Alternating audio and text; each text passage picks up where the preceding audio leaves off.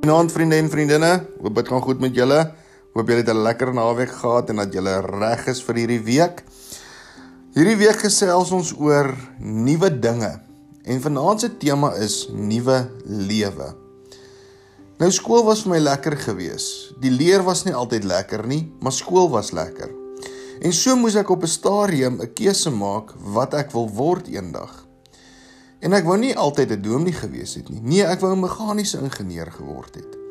En toe moes ek 'n besluit gemaak het om my keuses vir my vakke in graad 10 moes ek ander vakke gevat het.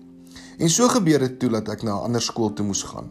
Maar voor dit het ek en my vriende wat in dieselfde skool was in my ou skool het ons gedroom oor hoe ons gaan atletiek hardloop en hoe ons gaan rugby speel en en en hoe ons nog vir lank gaan vriende bly. En hier kom die skok toe maar ek moet na 'n ander skool toe gaan om so die regte vakke te kan hê. En dit was my sleg geweest want nou het ek gedink maar waar gaan ek vriende kry? Hoe gaan ek nuwe vriende maak en en en en. En so begin ek toe my graad 10 jaar in 'n nuwe skool en ek het nuwe vriende gemaak en ek het lekker sport gedoen, ek het lekker rugby gespeel en dit was eintlik 'n fees geweest. Ek het goeie onderwysers gehad. Die enigste ding wat was, ek het nie 'n meganiese ingenieur geword nie, maar ek het 'n dominee geword. Maar so sien ons dat partykeere is daar iets wat sleg is. En dan kan ons nie dink maar hoe gaan dit beter wees na dit nie. Baie keer gebeur daar iets met ons in ons lewens en dan dink ons maar hoe kan daar nuwe lewe wees na hierdie goed? Dit is amper soos Jesus wat vir ons die voorbeeld was deur hy die kruis deurgemaak, hy's begrawe, hy het opgestaan en dit wys vir ons die nuwe lewe. Jesus moes aan die kruis gesterf het sodat hy kon opstaan en vir ons kan wys dat daar is wel lewe na die sleg en na die seer. Kom ons kyk 'n bietjie hoe God dinge nuut gemaak het en lewe gegee het. Esegiel 37 vers 1 tot 6 sê Die mag van die Here het my in besit geneem en my deur die gees van die Here uitgebring en neergesit binne in 'n laagte. Die laagte was vol bene. Die Here het my om die bene laat loop en ek het gesien daar is baie bene in die laagte en hulle is baie droog. Toe vra hy vir my: "Mens, kan daar in hierdie bene weer lewe kom?"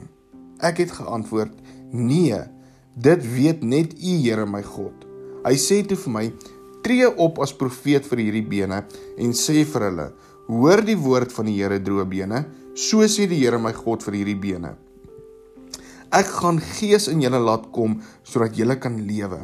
Ek sal vir julle seënings en vleis aansit en julle oortrek met vel en dan sal ek gees in julle gee sodat julle kan lewe. Dan sal julle besef dat ek die Here is. En dan gaan ons na vers 10 toe. Vers 10 sê: Ek het as profeet opgetree soos die Here my beveel het, en toe kom die Gees in hulle, en hulle het lewe en hulle lewe en gaan staan regop. Dit was 'n baie groot menigte. Die Here het vir my gesê: Mens, al hierdie bene stel die hele Israel voor. Hulle sê ons bene is uitgedroog. Ons het geen hoop meer nie. Dit is klaar met ons tree op as profeet. Sê vir hulle: So sê die Here my God: Ek sal julle grafte oopmaak en julle laat uitkom my volk. Ek sal julle terugbring na die land Israel toe. Wanneer ek julle grafte oopmaak en julle laat uitkom my volk, sal julle besef dat ek die Here is. Ek sal my gees in julle laat kom sodat julle kan lewe en ek sal julle in die land laat woon. Dan sal julle besef dat ek die Here is. Ek het dit gesê en ek sal dit doen, sê die Here. Die eerste vraag waar ons saam kan gesels is: Het dit al vir jou gevoel dat dit is die einde van die wêreld? Dalk het jy seer gekry of jy is siek of jy's teleurgesteld in iemand waarvoor jy lief was. Praat 'n bietjie saam oor die eerste vraag. Tweede vraag is: Het jy al deur 'n moeilike tyd gegaan en uitgevind dat daar is wel lewe en daar is wel hoop aan die ander kant? En die derde vraag is: Dink julle God het mense, dink julle God het het het mense vandag nog nodig? Of kom ons stel dit eerder so, dink julle mense het God vandag nog nodig?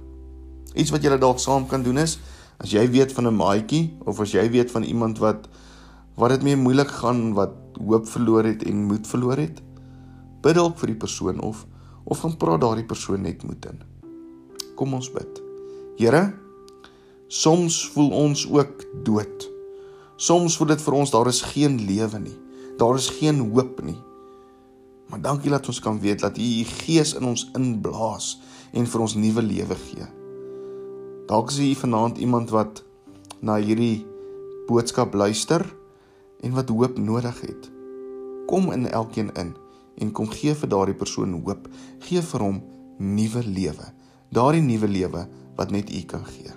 Amen. Mooi aand vir elkeen van julle verder.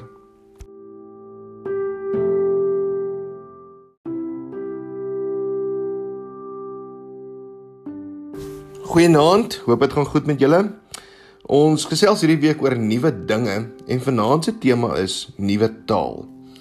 Nou jy geweet dat as jy 'n dominee wil wees, moet jy twee nuwe tale leer. Die een is Hebreëus en die ander ene is Grieks.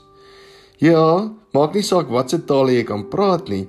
Jy moet as jy 'n dominee wil wees, moet jy weet, moet jy Hebreëus ken en jy moet Grieks ken. Nou hoekom is dit so? Dis omdat die Ou Testament in Hebreëus geskryf is en die Nuwe Testament in Grieks en dit help ons om die woord beter te kan verstaan en beter te kan sien wat hulle daar vir ons wil sê. Vra maar vir enige persoon, vra maar vir my, Grieks en Hebreëus is nie maklik nie. As iemand vir jou vra hoe's Grieks, dan sê maar dit is Grieks. Maar so is dit met alles. As jy 'n nuwe taal wil leer, is dit maar baie moeilik.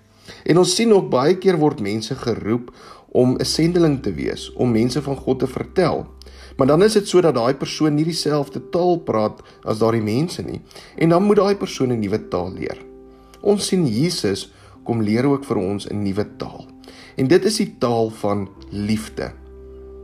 Nou hierdie taal van liefde wat Jesus vir ons leer is die manier hoe ons met ander mense praat, die manier hoe ons met ander mense te werk gaan, die manier hoe ons ander mense help. Dit is hierdie taal van liefde. Hoe ons mense sien en wat ons vir mense doen. Nou kom ons kyk hoe Jesus mense gehelp om so ook ander tale te praat om sy woord te verkondig.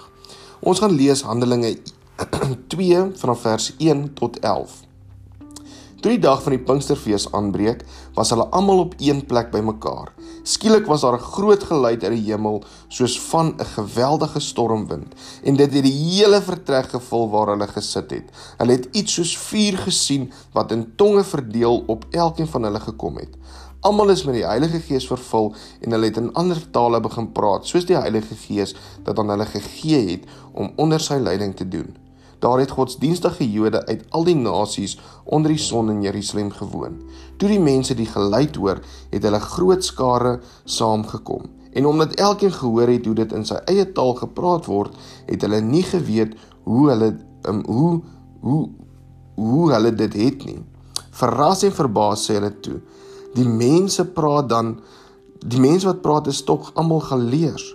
Hoe hoor elkeen van ons dan sy eie moedertaal?"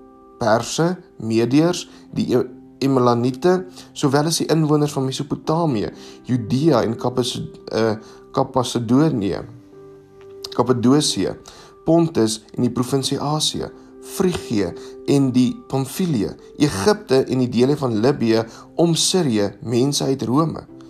Jode sowel as heidene wat die Joodse geloof aangeneem het, Kreteners en Arabiere, ons hoor hulle in ons eie tale praat oor die groot dinge wat God gedoen het. Paar moeilike name. Maar ons sien hoe hoe die Heilige Gees die mense gehelp het om elkeen in 'n ander taal te praat sodat hulle ander mense kon lei na die Here toe. Daar's so drie vrae waarby ons gaan stil staan. Die eerste vraag is: Hoeveel tale kan jy praat? En watter taal sal jy graag wil leer praat? Tweede een is: Hoe klink die taal van liefde? Is dit iets wat jy praat? Is dit iets wat jy doen of is dit albei? En die derde een is Jesus het die taal van liefde gepraat. Wat dink jy was sy boodskap vir die wêreld gewees? Iets wat jy dalk kan doen is, gaan vind 'n bietjie uit by die kerk. Wees in beheer van die sending van die kerk en en aan wie bedien ons die woord? Hoor 'n bietjie waar help ons of of waar help ons mense om net deur hulle elke dag se dinge te kan kom. Julle sal verbaas wees waar die kerk mense oral help. Kom ons bid saam. Here, Dankie vir die Heilige Gees. Dankie dat U die Heilige Gees vir ons gestuur het om vir ons die taal van liefde te hoor. Al praat ons dalk nie 'n snaakse taal nie, die manier hoe ons optree, dit kan ook mense na U toe lei. Dankie vir die voorbeeld van liefde wat U vir ons gegee het. Maak dat ons met liefde sal uitgaan in die wêreld en so ook U woord gaan verkondig. Amen. Mooi aand vir julle.